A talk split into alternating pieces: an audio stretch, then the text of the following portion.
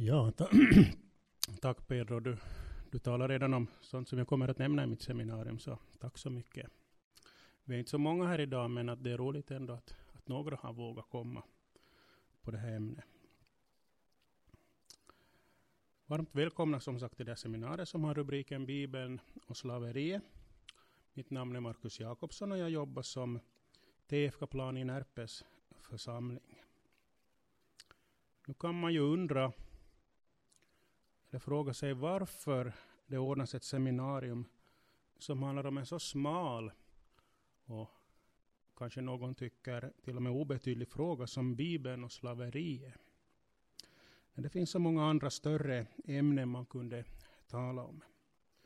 Och det har att göra med frågan om Bibelns inställning till Det har att göra med att, att frågan om Bibelns inställning till slaveri med jämna mellanrum dyker upp i debatten när man vill kritisera Bibeln idag.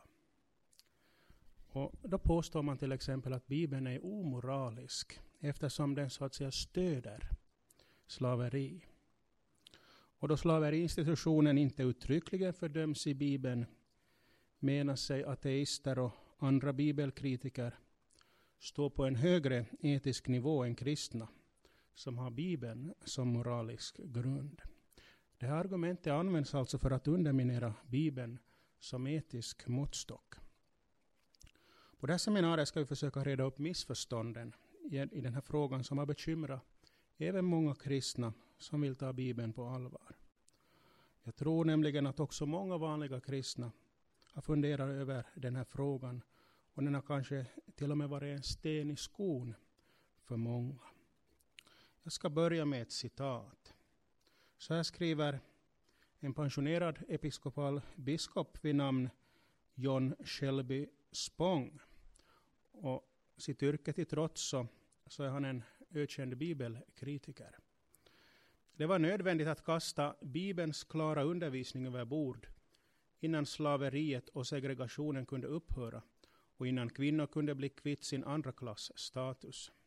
Ett anmärkningsvärt likartat mönster kan skönjas också idag då ett stort hinder för strävan efter rättvisa och full acceptans i samhället för homosexuella människor är Bibeln, som citeras om och om igen för att motivera homofoba fördomar, vilka fortfarande djupt infekterar vår kultur. Så alltså biskop John, John Shelby Spång. Vi kan inte förneka att slaveriet ligger som en mörk skugga över den kristna historien och i förlängningen också över Bibeln. Som jag redan nämnde så verkar Bibeln nämligen vid en första anblick godkänna och till och med försvara slaveriet. Det här var också åsikten hos många gudfruktiga slavägare i de amerikanska sydstaterna på 1800-talet. Men även kristna abolitionister alltså de som kämpade för slaveriets avskaffande i USA, menade att Bibeln stödde deras övertygelse. Två sinsemellan motstridiga hållningar härleddes således utifrån samma heliga skrift. Så hur ska vi idag förhålla oss till Bibelns inställning till slaveri? Och är Bibeln alls förmögen att svara på den här frågan? Är det ens möjligt att artikulera en biblisk etik efter biskop Spångs påstående. Det är inte förvånande att många kristna idag är osäkra på hur de ska se på skriften i denna fråga. Men vi ska börja från början och tala om slaveriet i Gamla testamentet och under gammaltestamentlig tid. Och vi ska direkt hoppa in i ämnet och börja med att se på vad Gamla Testamentet säger om slaveri. Det första vi ska säga är att den typ av slaveri som förekom i Främre Orienten under gammaltestamentlig tid inte ansågs som något i sig själv negativt. Till och med en monark kunde då referera till sig själv som en slav eller en tjänare i förhållande till en gudom. Och alla undersåtar sågs i sin tur som slavar eller tjänare till monarken. Under gamla testamentlig tid fanns det två typer av slavar i Israel. Hebreiska slavar och utländska slavar. Under den postexilska tiden, cirka 540 f.Kr. och framåt, fanns också en tredje grupp som kallades för Netinim. Det här Netinim hade en liknande ställning som gibeoniterna under Josuas tid. Vi kanske kommer ihåg gibeoniterna som hellre blev vedhuggare och vattenbärare än riskerar sina liv genom att kriga mot israeliterna. Vi kan läsa om dem i Josuas bok kapitel 9. Dessa Netinim utförde tjänaruppgifter i templet. Slavarna i det gamla Israel var i regel bofasta. Och deras arbetsinsats var ett komplement till, men inte en ersättning för, det arbete som utfördes av fria medlemmar i hushållet. Med andra ord så innebär, innebar inte slavarbetskraften att de fria israeliterna befriades från fysiskt arbete, vilket till exempel var fallet i det klassiska Grekland. Vi kan också notera att slaveriet i det gamla Israel skilde sig markant från motsvarande institutioner bland grannfolken. I Israel hemföll man till exempel aldrig åt att infånga eller sälja människor i en sån omfattning som man gjorde exempelvis bland fenicier och filisteer. Det, finns därför inga det fanns därför inga försäljare eller förmedlare av slavar. Människorov var belagt med dödsstraff enligt Andra Mosebok 21, 16. De israelitiska slavarna förlorade inte heller i motsats till, ja här var det här bibelstället, Andra Mosebok 21, 16. Den som rövar bort en människa ska straffas med döden, vare sig han sen säljer den han rövat bort eller denna blir funnen hos honom. Så det var alltså förbjudet enligt Mose lag att handla eller att röva människor. De israelitiska slavarna förlorade inte heller i motsats till romerska slavar i senare tid sitt medborgarskap. Under Gamla testamentets tid kunde en hebré sälja eller tillfälligt hyra ut sig själv eller sina barn för att få det bättre ställt eller för att betala en skuld om man hade råkat hamna på obestånd. Där har vi bestämmelser om det i tredje Mosebok 25, 39-55 och femte Mosebok 15, 12 18. Om din broder råkar i fattigdom hos dig och säljer sig åt dig ska du inte låta honom utföra slavarbete. Som en daglönare och en inneboende skall han vara hos dig. Fram till jubelåret skall han tjäna hos dig. Det var tredje Mosebok 25, 39-55. Och här är den, det andra bibelstället från femte Mosebok 15, 12 till 18, där det står Om någon av ditt folk, en hebreisk man eller kvinna, har sålt sig till dig och tjänat dig i sex år ska du det sjunde året frige honom. Många av rättigheterna till innehav för en person över en annan hade således sitt upphov i skuld och var ett självvalt alternativ till svält. En aspekt som kritiker till det här systemet ofta bortser från är bristen på alternativ i fråga om lagliga arrangemang för försörjning i ett samhälle med svår fattigdom och utan statlig välfärd. Hebreiska slavar skulle enligt den mosaiska lagen släppas fria efter sex år, som vi ser här. De kunde inte tvingas alltså att tjäna hela livet, för så vitt de inte själva valde att göra så av kärlek till sina herrar.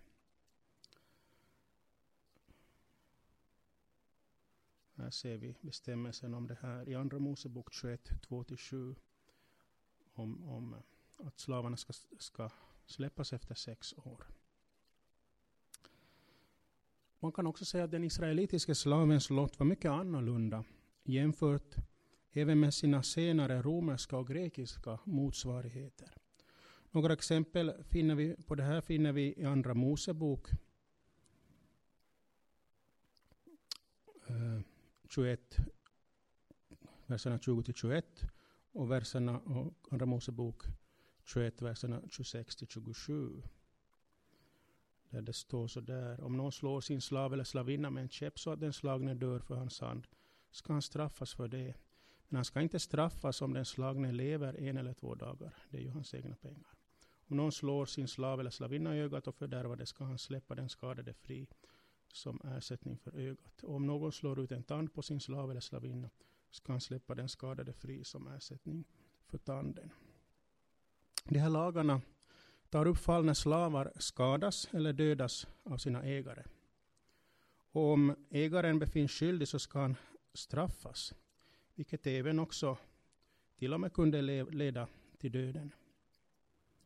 Utlänningar kunde bli slavar, bland annat genom att tillfångatas i krig, eller hade förvärvats genom köp från andra folk. Så slaveri var alltså nog tillåtet i Guds lag.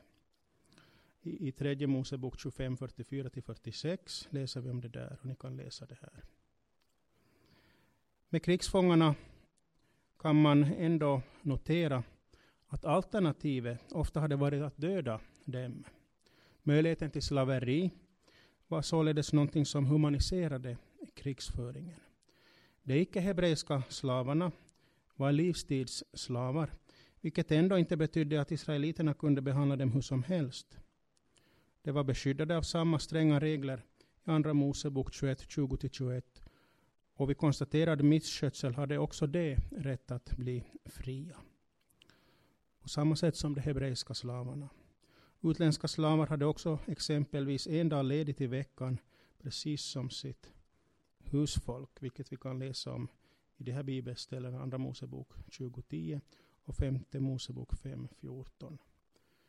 Till exempel det här första. Men den sjunde dagen är Herrens, din Guds sabbat. Då ska du inte utföra något arbete.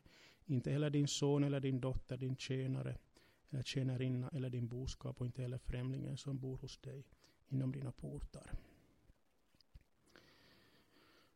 I jämförelse med samtida lagar i andra omkringliggande kulturer så blir det klart att Gamla testamentets lagar är mer framstående än annan äldre lagstiftning. Gamla testamentets lagtext gör i själva verket ett gigantiskt hopp framåt beträffande moral och etik jämfört med dessa lagar. Någonting som inte existerade på annat håll. Där man, det närmaste man kommer i juridisk väg handlar om skada på andra människors slavar. Här ser vi till exempel en lagsamling, ett utdrag från en lagsamling som kallas för Eshnunnas lagsamling, där det står så här, till exempel, om en fri man utan orsak tar en annan frimans kvinnliga slav, håller henne inspärrad i sitt hus och orsakar hennes död, måste han åtgärda denne slavägare med två av sina kvinnliga slavar. Om han utan, utan orsak tar hustru och barn från en uppsatt person och förorsakar dem döden, ska det räknas som en handling för vilket dödsstraff ska utgå. Den som utfört handlingen måste dö. En återkommande invändning mot slaveriinstitutionen är aspekten av äganderätt för en person över en annan. Men frågan är mer komplicerad än så. I, an, I, andra lagsamlingar, så till exempel Hammurabis lag, så behandlas också slavar mera som ägodelar. Och här är ett utdrag från den. Från Hammurabis lagsamling där det står så där. Om en fri herreman slår till en annan fri herremans dotter så att hon får missfall ska han betala henne tio shekel silver för fostret. Om kvinnan dör ska hans dotter avrättas. Om man genom ett våldsamt slag skulle förorsaka att en vanlig mans dotter får missfall ska han betala fem shekel silver. Om kvinnan skulle dö måste han betala en halv silvermina. Om han skulle slå en friherremans slavkvinna slagkvinna så att hon fick missfall måste han betala två shekel silver. Skulle denna kvinnliga slav dö måste han betala en halv silvermina. Vi märker alltså att det är en skillnad här om vi jämför med gamla testamentets lag. Att det här är så mycket sämre ur slavens eller slavinnans synvinkel. Det kan också påvisas utifrån gammaltestamentlig lag att det var förbjudet för herrar att behandla sina tjänare som lösöre. Försäljning av slavar verkar, som jag redan nämnde, ha förekommit i mycket begränsad omfattning i det gamla Israel. Äganderätten var begränsad i sin omfattning och var förbunden med flera förpliktelser. I femte Mosebok Eh, 15, verserna 12 17 finner vi föreskrifter om hur hebreiska slavar bör behandlas. Och I den framgår det för det första, det som vi redan har sett, att Guds stadgar för slavarna under Gamla testamentets tid knappast var hårda eller brutala. Utifrån dem skulle det vara mycket svårt att rättfärdiga senare tiders slaveri. Bestämmelsen om att slavarna skulle släppas fria redan efter sex år begränsade sig avsevärt slaveriet. Och det gällde alltså de här israelitiska slavarna då.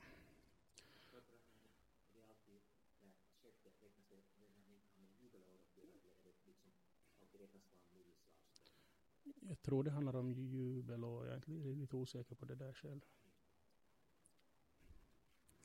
För det andra märker vi att Gud älskade slavarna också genom de säkerhetsåtgärder som han byggde in i lagen och hur, och hur den kräver generositet gentemot slavarna. Gud såg ju också på sitt eget folk som en grupp tidigare slavar. För det tredje kunde slaveriet till och med innebära att slaven hade det bättre hos ägaren än i frihet. Om slavägaren skötte sina plikter hade slavarna både kost, logi och kläder.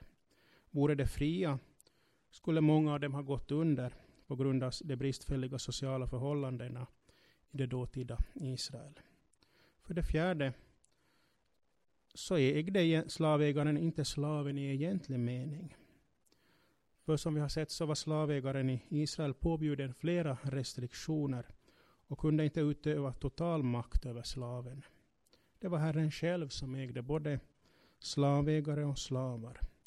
Det var också Herren som hade friköpt alla hebreer, vilket framgår av vers 15. Således var det också han som var den rättmätige ägaren till alla, såväl slav som fri. Vi kan notera att också om just den här lagen inte är riktad till oss idag, så är den inte oviktig för det. För det väsentliga är vad den kan lära oss om Gud, och om hans krav på rättvisa, om hans vilja för det israelitiska samhället, och om hans relation till folket och i synnerhet beträffande försoningen. Den här lagen hjälper oss således att se bakgrunden till Nya testamentets lära om försoningen. Se hur mycket Gamla testamentets slaveri faktiskt skiljer sig från hur vi vanligtvis tänker oss slaveriet. Samt att få ett nytt perspektiv på Guds kärlek som vi annars kanske inte hade fått. Således så utgör dessa föreskrifter en väsentlig del av Guds ord till oss idag. Trots att det uppenbarligen inte är ett bud från Gud till oss idag. Föreskrifterna är ju inte uttömmande och säger förstås inte allt om slaveriet i det gamla Israel. Men eftersom de innehåller den typ av standard som Gud gav sitt folk i Gamla Testamentet kan de vara instruktiva också för oss när vi söker hans vilja. Sen en intressant sak som jag också kan nämna här. Bibelöversättningar kan som bekant spela en stor roll när vi bedömer bibliska fenomen.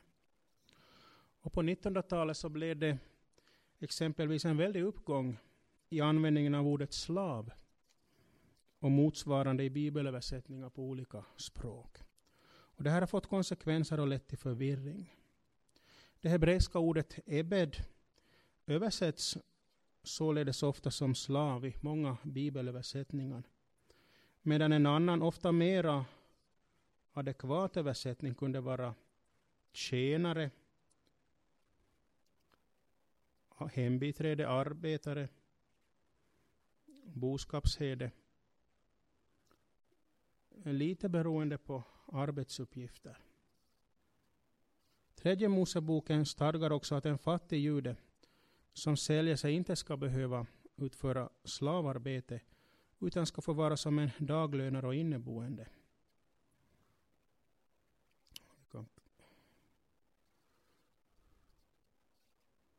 Titta på det. Om din broder råkar i fattigdom hos dig och säljer sig åt dig ska du inte låta honom utföra slavarbete. Som en daglönare och en inneboende ska han vara hos dig. Fram till jubelåret ska han tjäna hos dig.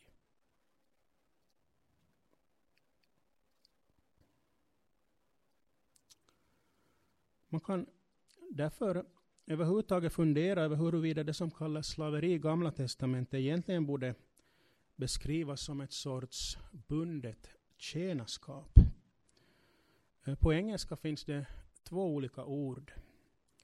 Eh, eh, Bundet tjänarskap heter servitude. Och vore kanske ett bättre ord än slaveri, som på engelska är slavery. På svenska har vi ju bara det här ena ordet, slaveri. Men det kanske skulle finnas skäl att, att skilja på dessa olika ord.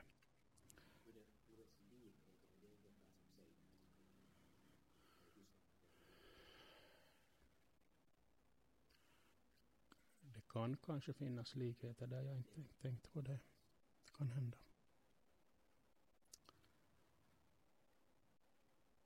Vi har också kunnat konstatera att även om de icke-hebreiska tjänarnas situation var sämre och mera slavlik än de inföddas, eftersom de tjänade på livstid, så var den ändå avsevärt bättre än situationen för slavarna hos grannfolken. Det som jag skulle säga, jag kanske inte sa det, att när man granskar den här situationen finner man som vi har sett en avsevärd skillnad mellan det slaveri som accepteras i Gamla Testamentet jämfört med slaveriet i det romerska riket och i modern tid. Och det här väcker frågan om huruvida vi alls kan jämföra eller jämställa dessa olika slavinstitutioner i olika tider. Men en brännande fråga som vi ändå inte undgår i det här sammanhanget är frågan om varför Herren överhuvudtaget tillåter slaveri bland sitt egendomsfolk.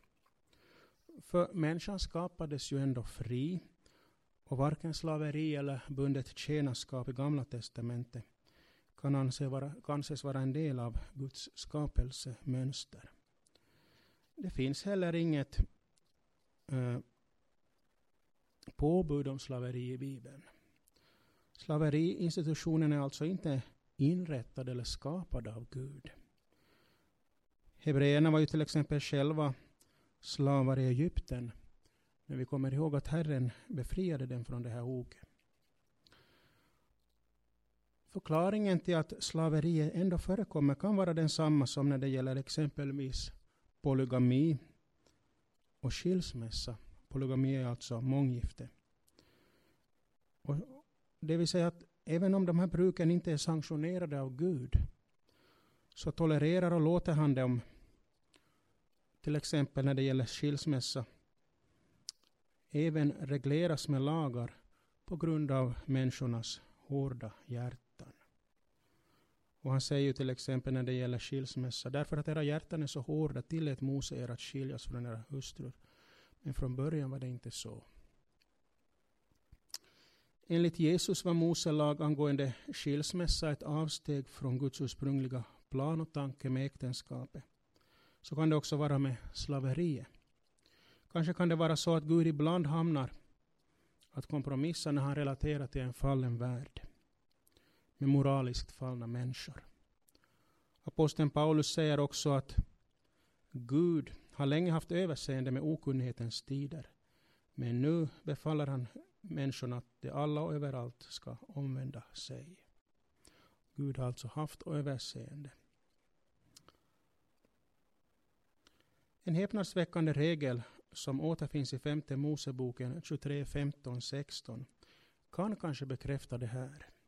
Det, där står det att en förrymd slav inte ska behöva sändas tillbaka hem och lagen befaller till och med människor att förse honom med logi.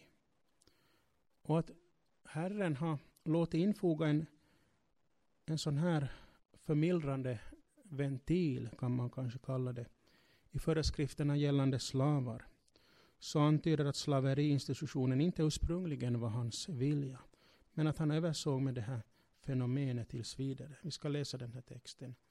En slav som flyttar dig från sin herre ska du inte utlämna till hans herre. Låt honom få stanna hos dig på den plats han väljer inom några, någon av dina städer, var han finner för gott. Du ska inte behandla honom illa. Vi kan titta lite på, eller ha en jämförelse av slavarnas villkor i Gamla Testamentet, alltså i Israel då, i romarriket och i modern tid. Företrädesvis då kanske i USA under 1800-talet. Och då märker vi ganska stora skillnader.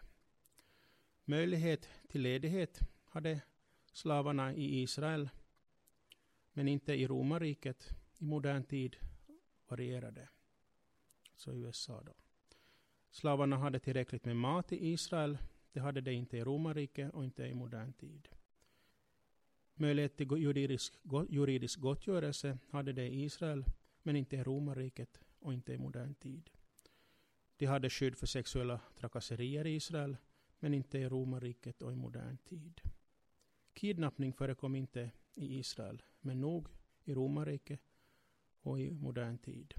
Kedjor förekom inte i Israel, men nog i romarriket och i modern tid. Tortyr förekom inte i Israel, men nog i romarriket och i modern tid.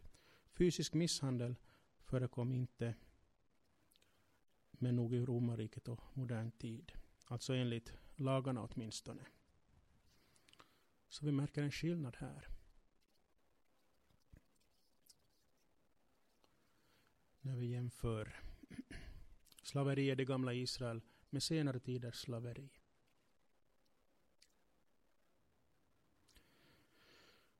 Då ska vi övergå till att tala om slaveriet i nytestamentlig tid. Med det här som vi har talat om Gamla testamentet som bakgrund så vänder vi oss då till Nya testamentet. Nya testamentlig tid. Eh, Nya testamentet skrevs vid en tid när en annan form av slaveri var för handen än den, det som förekom i det gamla Israel. I nytestamentlig tid var slaveriet mycket utbrett över hela det romerska riket. Hela samhällets ekonomi byggde egentligen på slaveriet.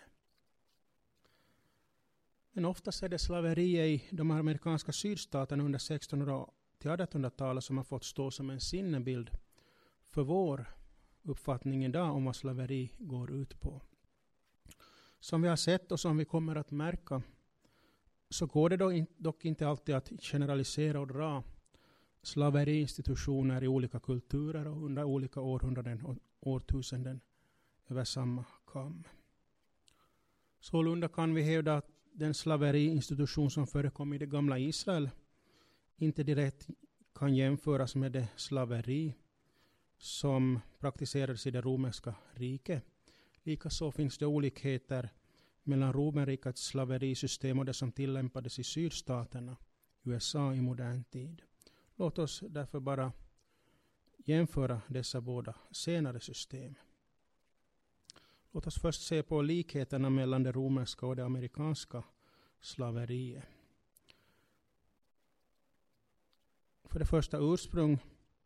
En romersk slav var, eh, var slav snarare som ett resultat av erövringar, reder och plundringståg än som ett resultat av straff eller försäljning av sig själv. Så som var fallet i det gamla Israel, som vi märkte. Och så var det också med de amerikanska slavar som skaffades från Västafrika. Eh, förverkad autonomi. Slavägarnas kontroll över slavarna var likartad. Slaven hade mist all sin personliga autonomi. Slavägaren hade rätt att på helt godtyckliga grunder döda en olydig slav. Familjer kunde också splittras på likaså helt godtyckliga grunder. En amerikansk slavägare hade samma närmast oinskränkta makt som en romersk slavägare. Och så antalet slavar.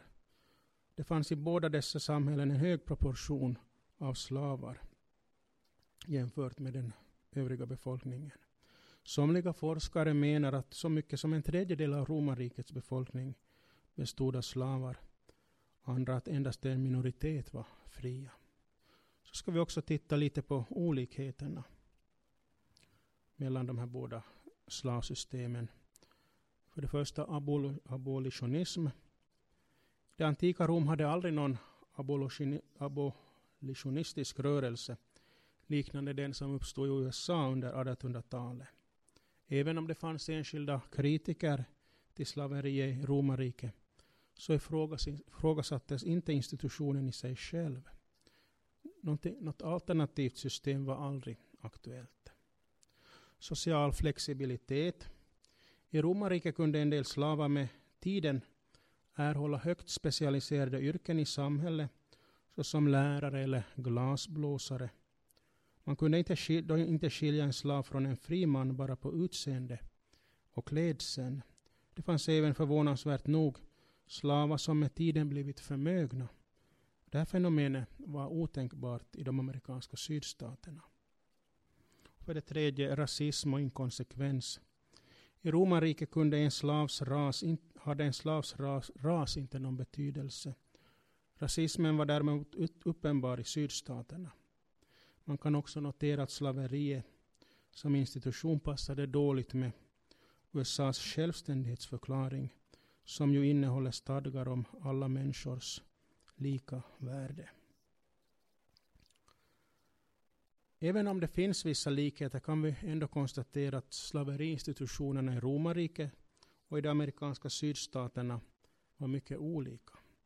Det antika systemet var mycket mer flexibelt och mångbottnat än sin moderna motsvarighet, medan det amerikanska slaveriet i motsats till det romerska karaktäriserades bland annat av rasism. Det är inte långsökt att tänka sig att aposteln Paulus, om han hade konfronterats med slaveriet i sydstaterna, troligen hade varit mycket mer kritisk än han var mot det slaveri som förekom i hans samtid. Och det är ju främst i brev av aposteln Paulus som slaveriet berörs i Nya Testamentet. När Nya Testamentet och aposteln Paulus i synnerhet uttalar sig om slavar reser sig ofta frågetecknen hos samtida bibelläsare. I bästa fall ses fenomenet som avlägset och kuriöst, i värsta fall som moraliskt motbjudande. Följaktligen kan Pauli provokativa användning av slaveriet som en metafor för den kristnes relation till Gud i Romarbrevet 6 vara svårförståelig för en nutida läsare. Och en del väcker sådana här texter, liksom texter där Paulus verkar väldigt flat i sin hållning gentemot slaveriet, indignation. Eftersom det också har använts för att godkänna moraliskt dubiösa och oförsvarliga handlingar under gångna sekel, som exempelvis just slaveriet i Amerika, Amerikas sydstater fram till 1860-talet. Det är lätt att först tolka Paulus som att han ryggradslöst i sina brev understöder slaveriets status quo för att sen anklaga honom för inkonsekvens då han i Galaterbrevet 3.28 hävdar att alla är ett i Kristus, såväl slav som fri. Och ibland framhålls det även att det redan under Pauli samtid förekom kritik av mot slaveriet exempelvis bland enstaka filosofer. Den mest berömde av dem var en filosof vid namn Seneca, den yngre, en romersk senator och vetenskapsman. Och man kan ibland höra argumentet att ifall en hednisk filosof i hjärtat av det romerska imperiet kunde vara en motståndare till slaveriet, så varför då inte en kristen apostel, särskilt en som förkunnade högre mänskliga ideal.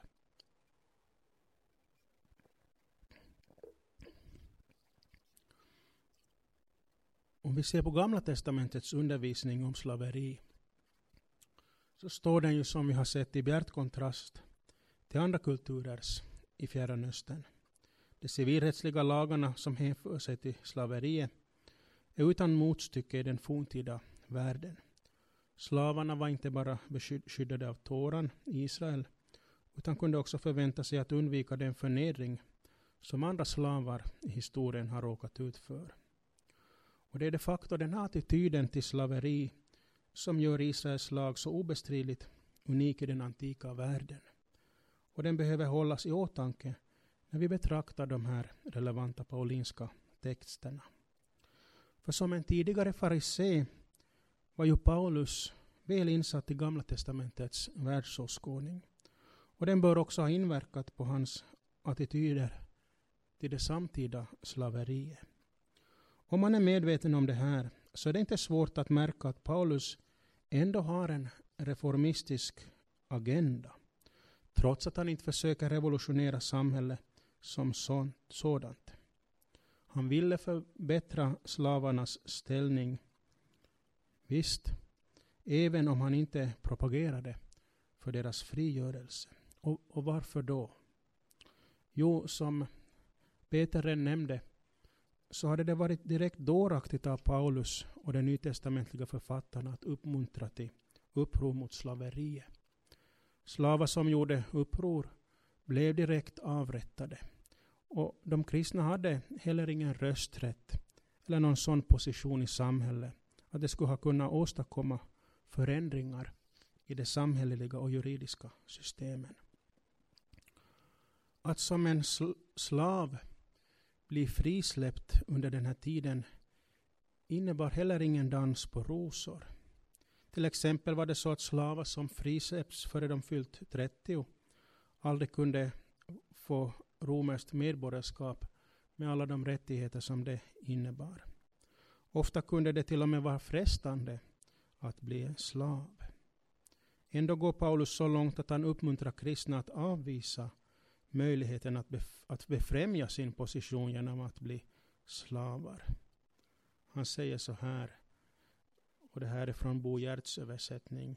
Bli inte slavar under människor, bli kvar hos Gud, bröder, var och en på den plats där han blev kallad.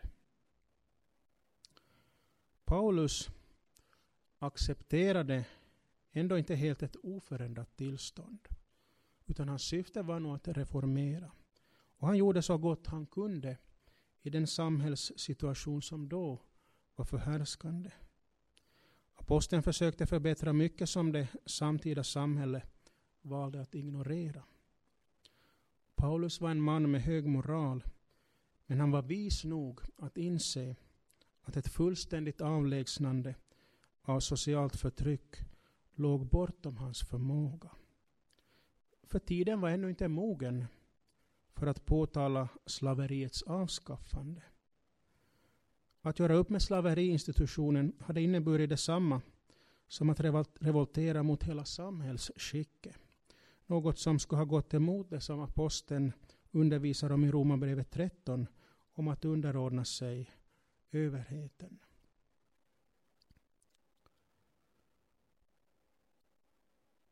Och för att kunna reformera en hel kultur och ett samhällsskick så krävs det också en hel del strukturella samhällsförvandlingar. Om det här inte är för handen så är det inte så stor idé att propagera för en yttre förändring. Förändringen måste ju börja med en sinnesförändring hos människorna själva. Och det var också på det här området som Paulus valde att inrikta sig. Det var inte heller det yttre slaveriet som bekymrade Paulus mest, utan syndens slaveri som band människorna och som också Peter här nämnde lite om. Så Paulus, Pauli huvudsakliga kallelse och intresse var därför att förkunna befrielsens evangelium för alla människor. Han förstod att när evangeliet får påverka människor så vill det också påverka sin omgivning i en bättre riktning. Och, och med tiden så kommer också människor att börja reagera på det här med slaveri.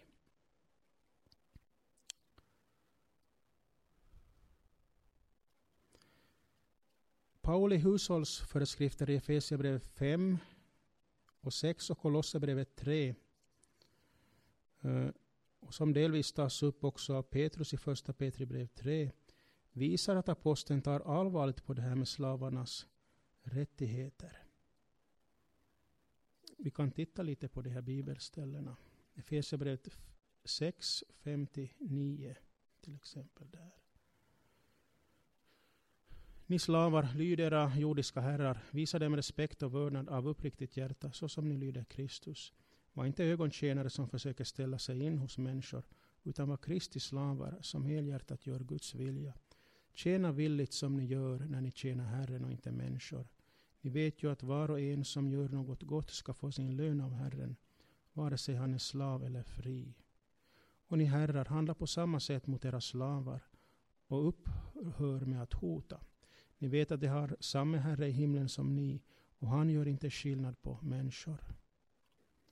Första Petri brev 2, 18-22. Ni slavar underordna er era herrar och visa dem all respekt, inte bara det goda och milda utan även det hårda. Om någon som vet att Gud är med honom håller ut när han får lida oskyldigt, så är det nåd från Gud. Vad är det för berömvärt om ni härdar ut med att bli slagna när ni handlar orätt? Men om ni håller ut när ni får lida fast ni handlar rätt, då är det nåd från Gud. Detta har ni blivit kallade till. Kristus led ju i ert ställe och efterlämnade ett exempel åt er för att ni skulle följa i hans fotspår. Han hade inte begått någon synd och svek fanns inte i hans mun.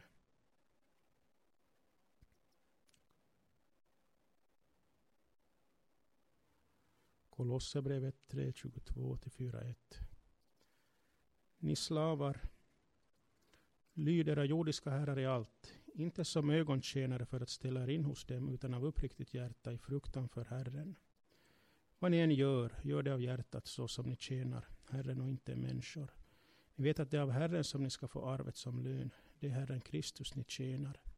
Den som gör orätt ska få igen den orätt han har gjort utan anseende till personen. Ni herrar, låt era slavar få vad som är rätt och rimligt. Ni vet ju att ni också har en Herre i himlen. Om man jämför det som Paulus skriver med annan samtida litteratur visar det sig att instruktionerna till både slavar och slavägare är mycket radikala.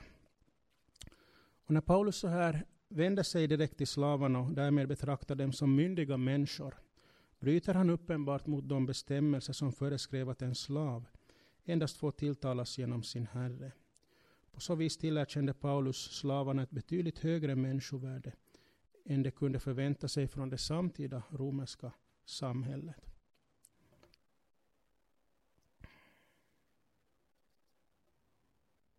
Till exempel nu då det här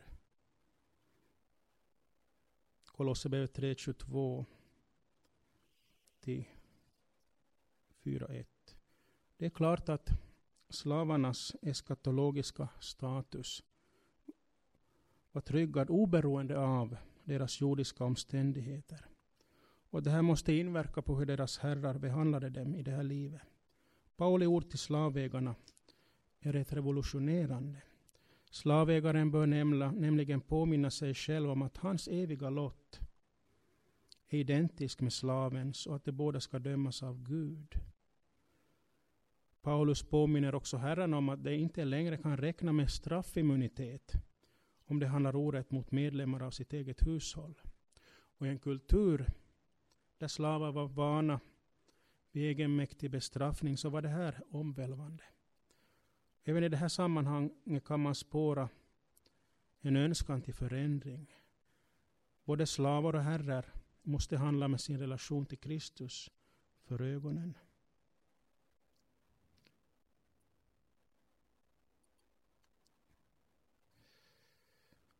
Eh, första Korintierbrevet 7, verserna 21-24. Var du slav när du blev kallad, sörj inte över det, men kan du bli fri så ta hellre vara på den möjligheten. Den slav som blivit kallad till kristen är Kristi frigivne och den frie som blivit kallad är Kristi slav. Ni är köpta mot full betalning, bli inte slavar under människor. Bli kvar hos Gud, bröder, var och en på den plats där han blev kallad. Det här är ett lite diffust bibelställe som kan översättas på två sätt. Folkbibeln och Bibel 2000 har valt en tolkning som uppmanar slaven att förbli slav om han var det när han blev kallad. Men möjligen har här Hedegårds översättning, eller Bo Giertz översättning som jag citerar här, en mera logisk översättning som bättre överensstämmer med vad Paulus skriver i andra sammanhang. Det tolkar nämligen stället så att om slaven har möjlighet att bli fri, så ska han utnyttja den möjligheten. Paulus vill inte att någon är förslavad. Om man är slav bör man göra sitt bästa för att bli fri. Om man är fri så ska man aldrig frivilligt låta sig förslavas. Även om Paulus inte propagerar för revolution så stöder han således inte heller slaveriet. Han befann sig mitt emellan två eldar och försökte alltså finna en framkomlig väg. Så har vi då den här Filemon som Peter läste här i början. Kanske blev han skild för, från dig en tid för att du skulle få honom tillbaka för alltid. Inte längre som en slav utan som något mer. En älskad broder. Då har ni högsta grad för mig, det har ni högsta grad för mig. Hur mycket mer då inte för dig, både som människa och som broder i Herren. Paulus befann sig här i en svår situation med en konflikt mellan sin övertygelse om att lyda sekulära auktoriteter, som vi läser i Romarbrevet 13, och sina eh, attityder som var influerade från Gamla Testamentet till slaveriet. Den förra skulle tvinga honom att sända tillbaka slaven omgående, medan femte Mosebok 23 insisterar på att man bör ge förrymda fångar en fristad. Och det här illustreras i brevet. Det kan hända att Paulus hoppades på att Filemon skulle frige Onesimus för evangeliets skull. Paulus hade önskat att Onesimus var fri. Paulus sände tillbaka honom som en kristen broder. Filemon kunde inte undgå den här apostoliska vinkeln. Som vi läser där i vers 16. Det är inte alls långsökt att sluta sig till att Paulus i sitt brev till Filemon var åtminstone ambivalent gentemot slaveriet.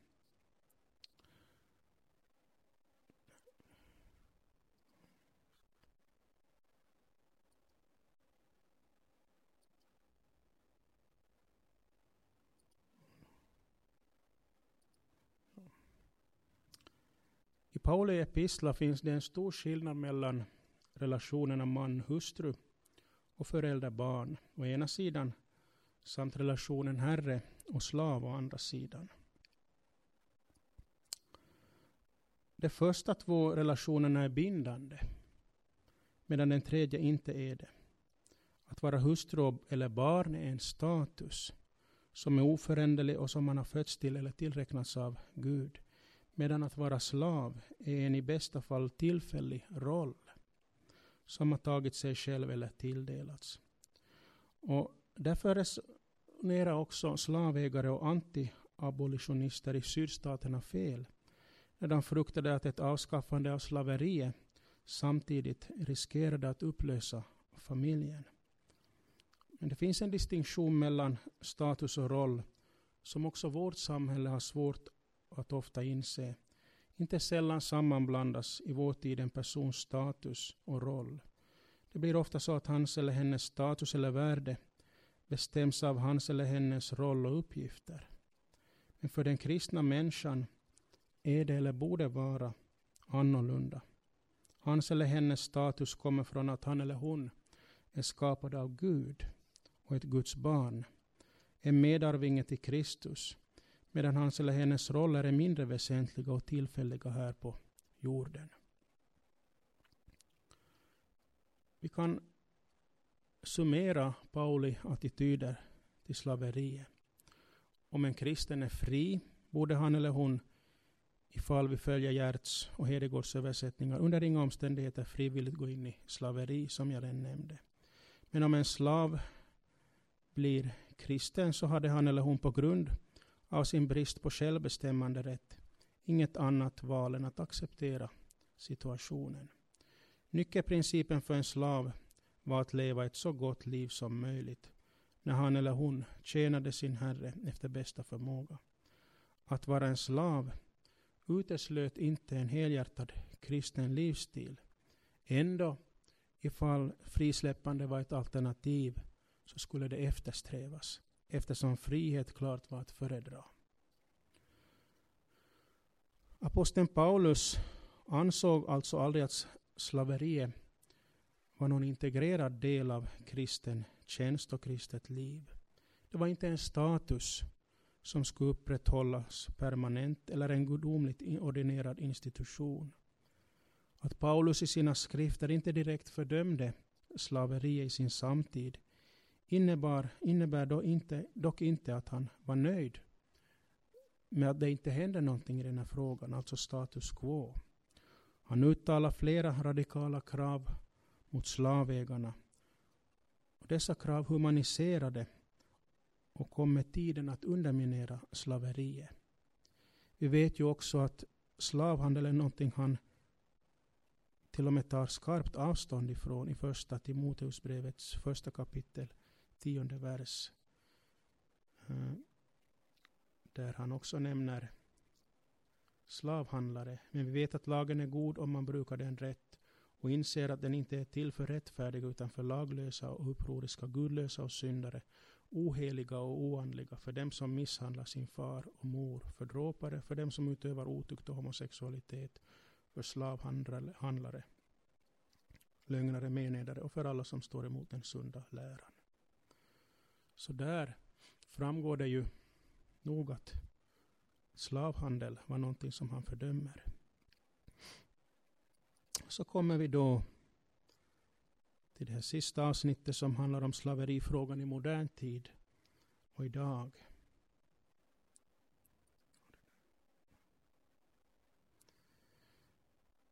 Det påstås ibland att Bibeln inte har varit till någon hjälp i kampen mot slaveriet. Men ingenting kan vara mera fel. Istället är det så att Nya testamentets undervisning indirekt har underminerat principerna för slaveriet. Under 200 och 300-talet anklagades således de kristna i Rom för att bidra till samhällets förfall genom sin inställning till slavar, änkor och föräldralösa. Också moderna abolitionister som William Wilberforce som Peter nämnde, och han är kanske den mest kända av dem, uh, lät sig inspireras av Bibeln. Låt oss titta på vilka argument man använde i England när, när processen tog sin början år 1787.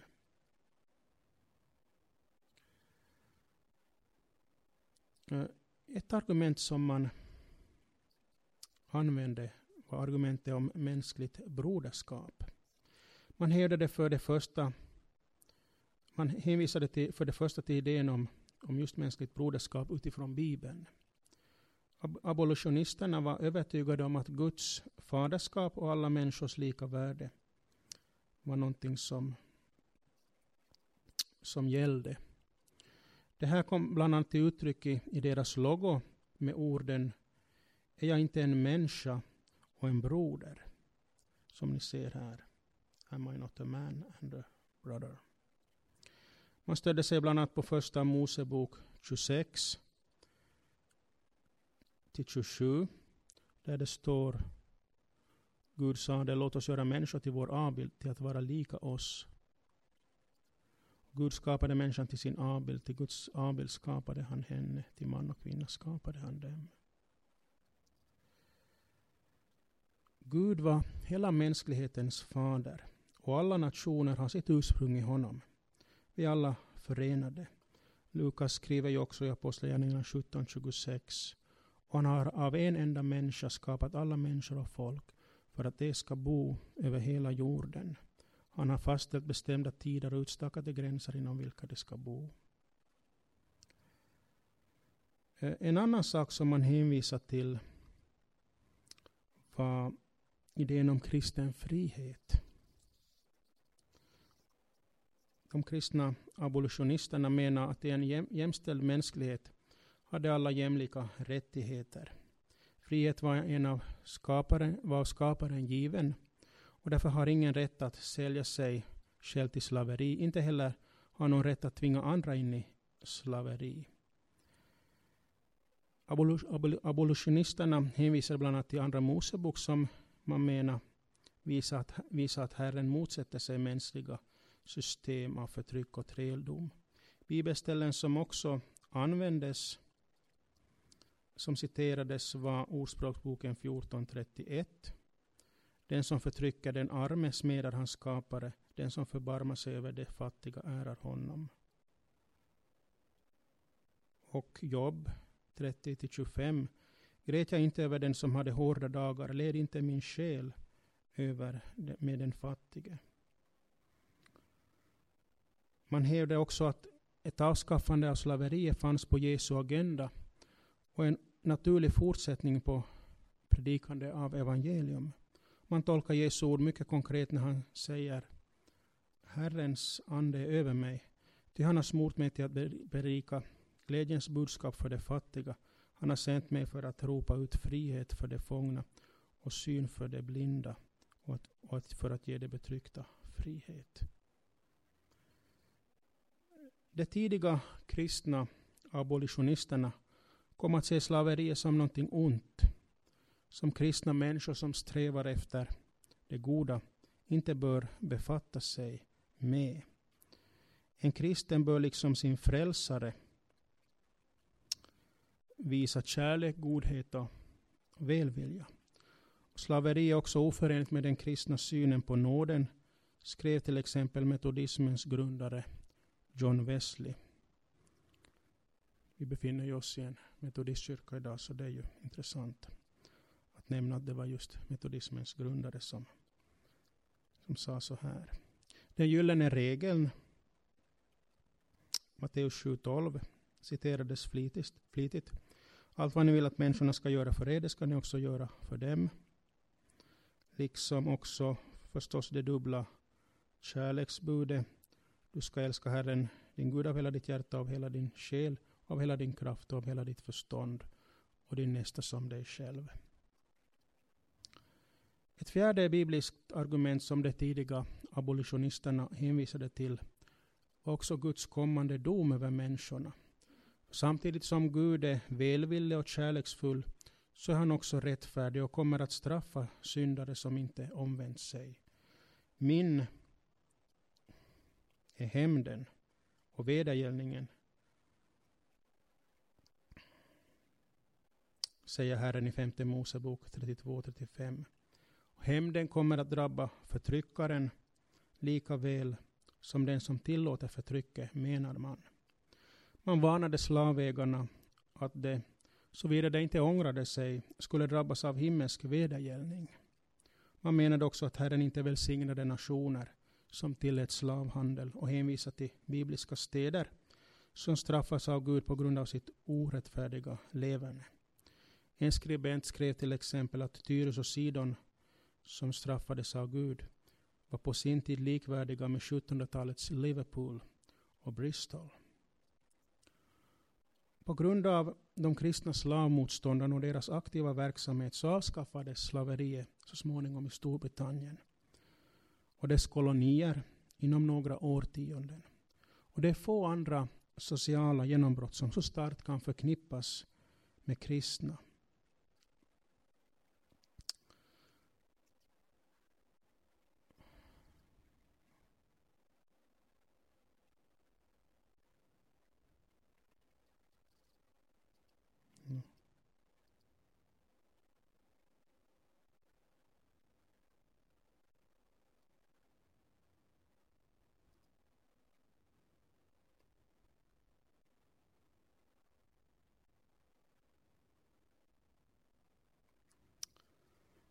Slaveriet i Bibeln och dess slutliga avskaffande har ibland använts för att stödja en form av progressiv eh, bibeltolkning som ibland benämns för projektilbanehermeneutik. Alltså hermeneutik är ju bibeltolkning. På engelska kallas den tra trajectory hermeneutics. Och som har vunnit terräng bland en del nutida teologer. Man menar då att Bibelns etiska undervisning, liksom en projektil, är på väg i en viss riktning och stadd i ständig utveckling. Vid tiden för Nya Testamentets nedskrivande så hade den kommit en bit på väg, men det var ändå bara en mellanetapp. Och vi behöver, sägs det idag, anamma en högre etik än den som framkommer i Nya Testamentet. En etik som är i samklang med det mål som projektilen är på väg mot.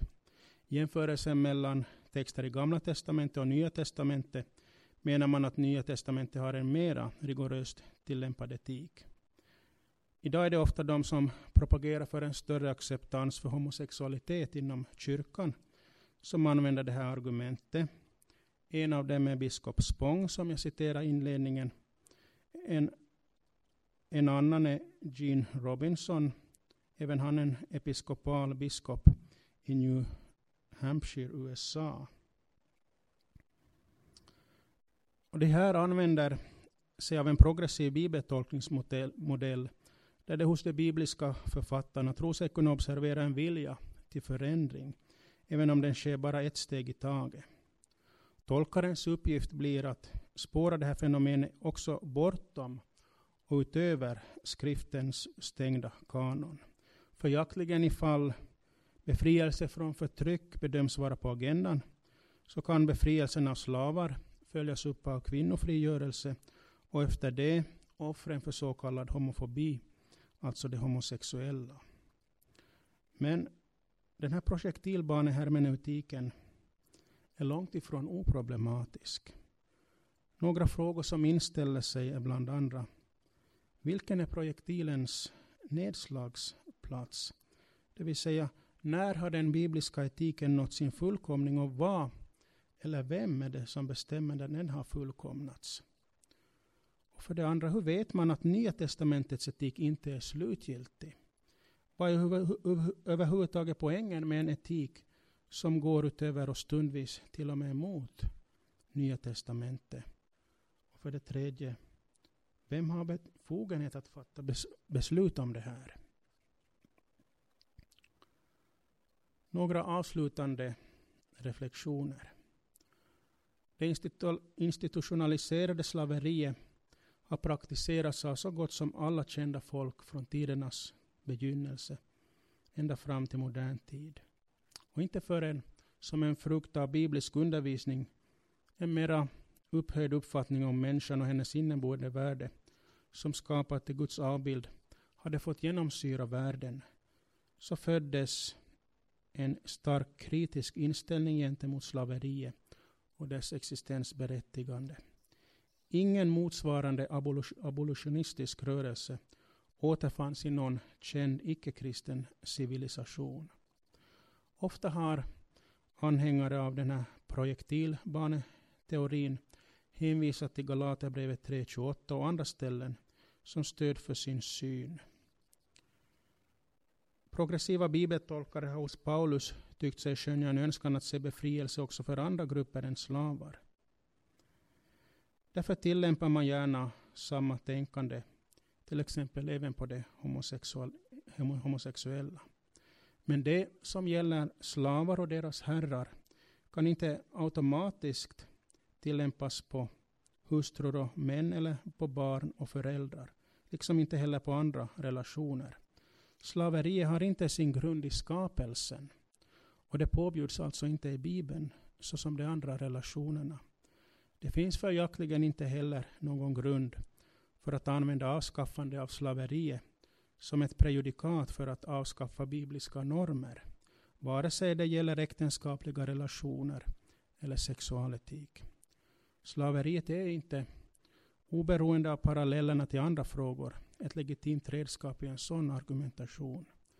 Dess avskaffande är en stor seger att fröjdas över, men är inte det prejudikat som det så ofta anses vara i den aktuella debatten i vår tid.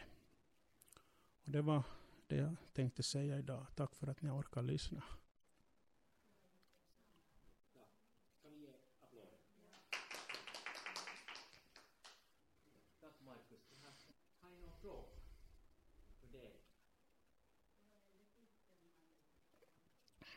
Jag kan nämna att det kanske också framgick här att, att det, det, det här föredraget baseras på en artikel som jag för några år sedan hade i tidningen Kristet perspektiv.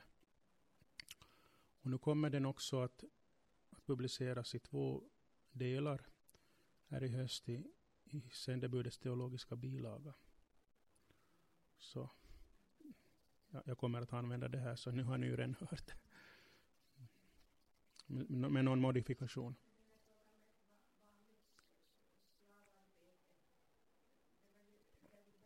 Mm.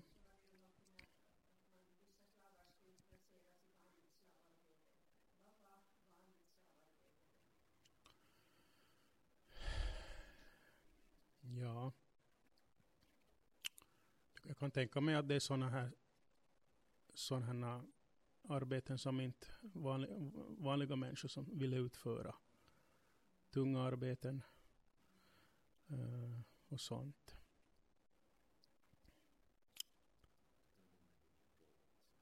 Vad sa du? Ja, hon, hon frågade att vad, vad innebar slavarbete eller vad,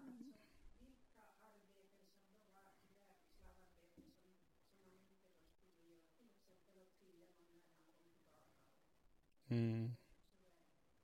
Ja.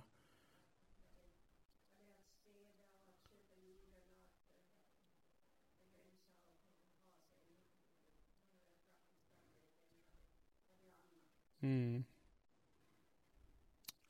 Ja, no, jag har inte riktigt lagt mig in i konkret vad de där uppgifterna i praktiken så mycket betyder. Men jag, jag antar att det var sånt arbete som, som inte de fria medlemmarna ville, ville utföra.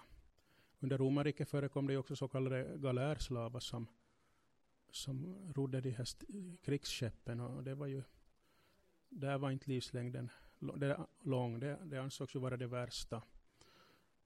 Men att eh, som sagt, just under romarriket så, så där utförde ju slavarna det mesta av just sådana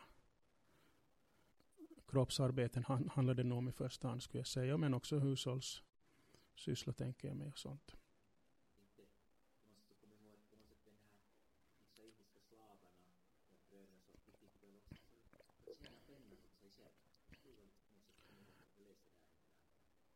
Eh, Rom, romerska slavar fick göra det.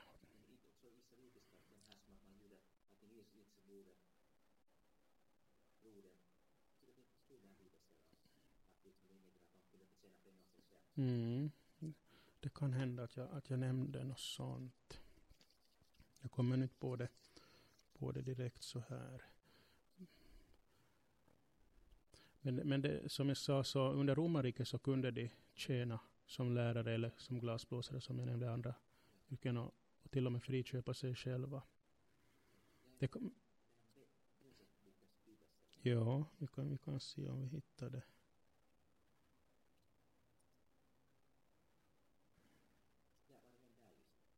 Var det den där? Som... Nej.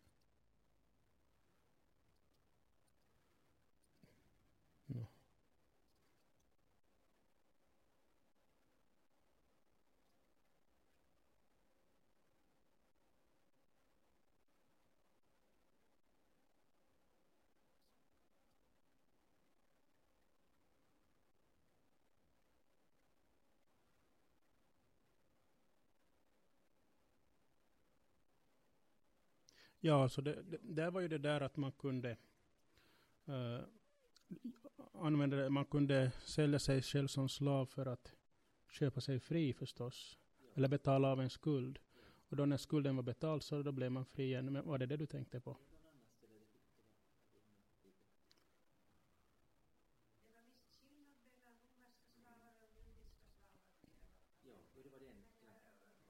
Ja,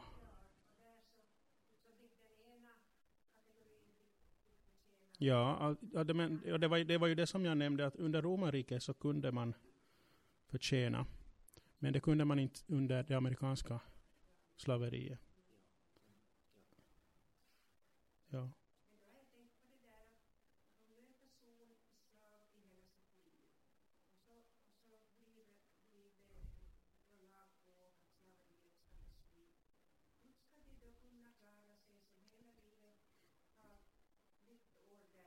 Mm.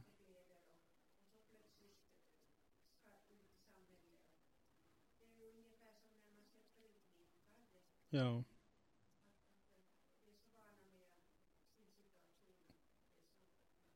Ja, det kan man ju fundera över hur det, hur det gick för dem sen.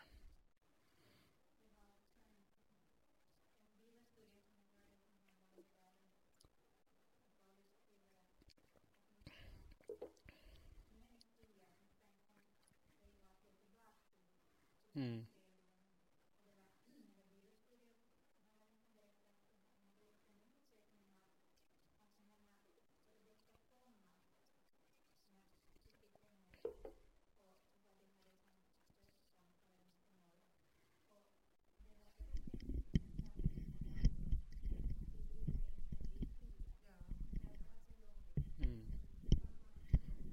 Och som jag ju nämnde här så kunde det i vissa fall till och med vara bättre att vara slav.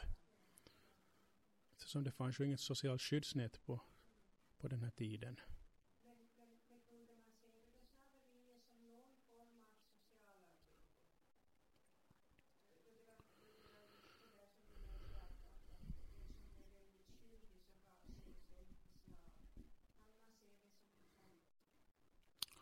Kan, kanske, kanske lite, man kan se det som ett...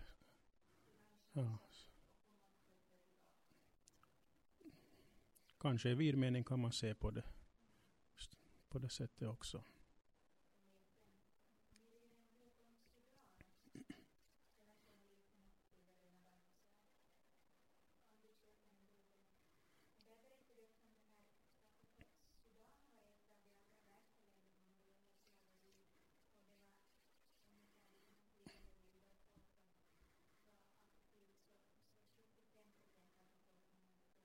Mm.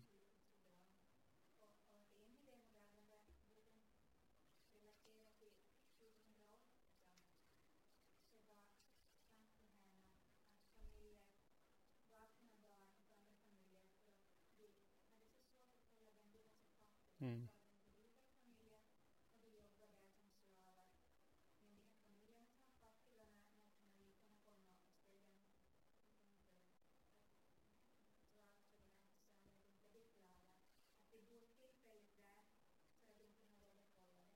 Mm. Okej. Ja.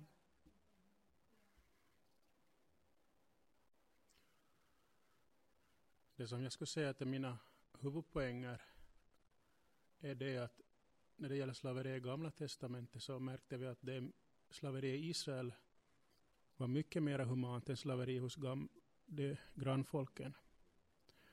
Och när det gäller Nya Testamentet och Paulus så gjorde han vad han kunde i den situationen. Också det han skrev var revolutionerande för hans tid. Det felet vi ofta gör är ju att vi, vi läser in med nutida glasögon. Och att han liksom startade en process som senare bar frukt på 1700-talet. För att det handlar ju om att, att reformera människornas sinnen och hjärtan. Och det går inte i ett nafs, utan det, det är en process som kan räcka flera generationer.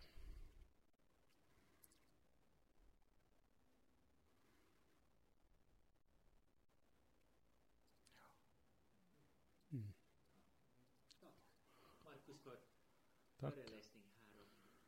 Och det var väldigt intressant att höra. Viktiga saker som just, att just med det här med tänker dagens samhällsdebatt också. Så viktigt att ha det på klart. Mm. Ja, jag vet inte, har ni, har ni kommit kom över det här argumentet, åtminstone när jag läste kyrkpressen någon, någon gång. Någon som har hänvisat till det här med slaveri.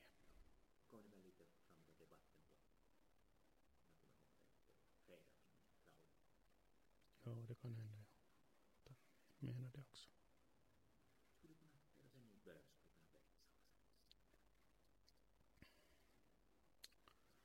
Kära himmelske Fader, vi, vi tackar dig för den här kyrkhelgen och vi tackar dig för, för att du är med oss varje dag. Vi tackar dig också för att du har befriat oss från det verkliga slaveriet, syndens slaveri. Och visat oss vägen till ditt rike. Hjälp oss att vara trogna. Hjälp oss att få vara redskap att sprida ditt rike till andra människor. Detta befrielsebudskap som är så revolutionerande. Var du med oss, Herre. Ber i Jesu namn.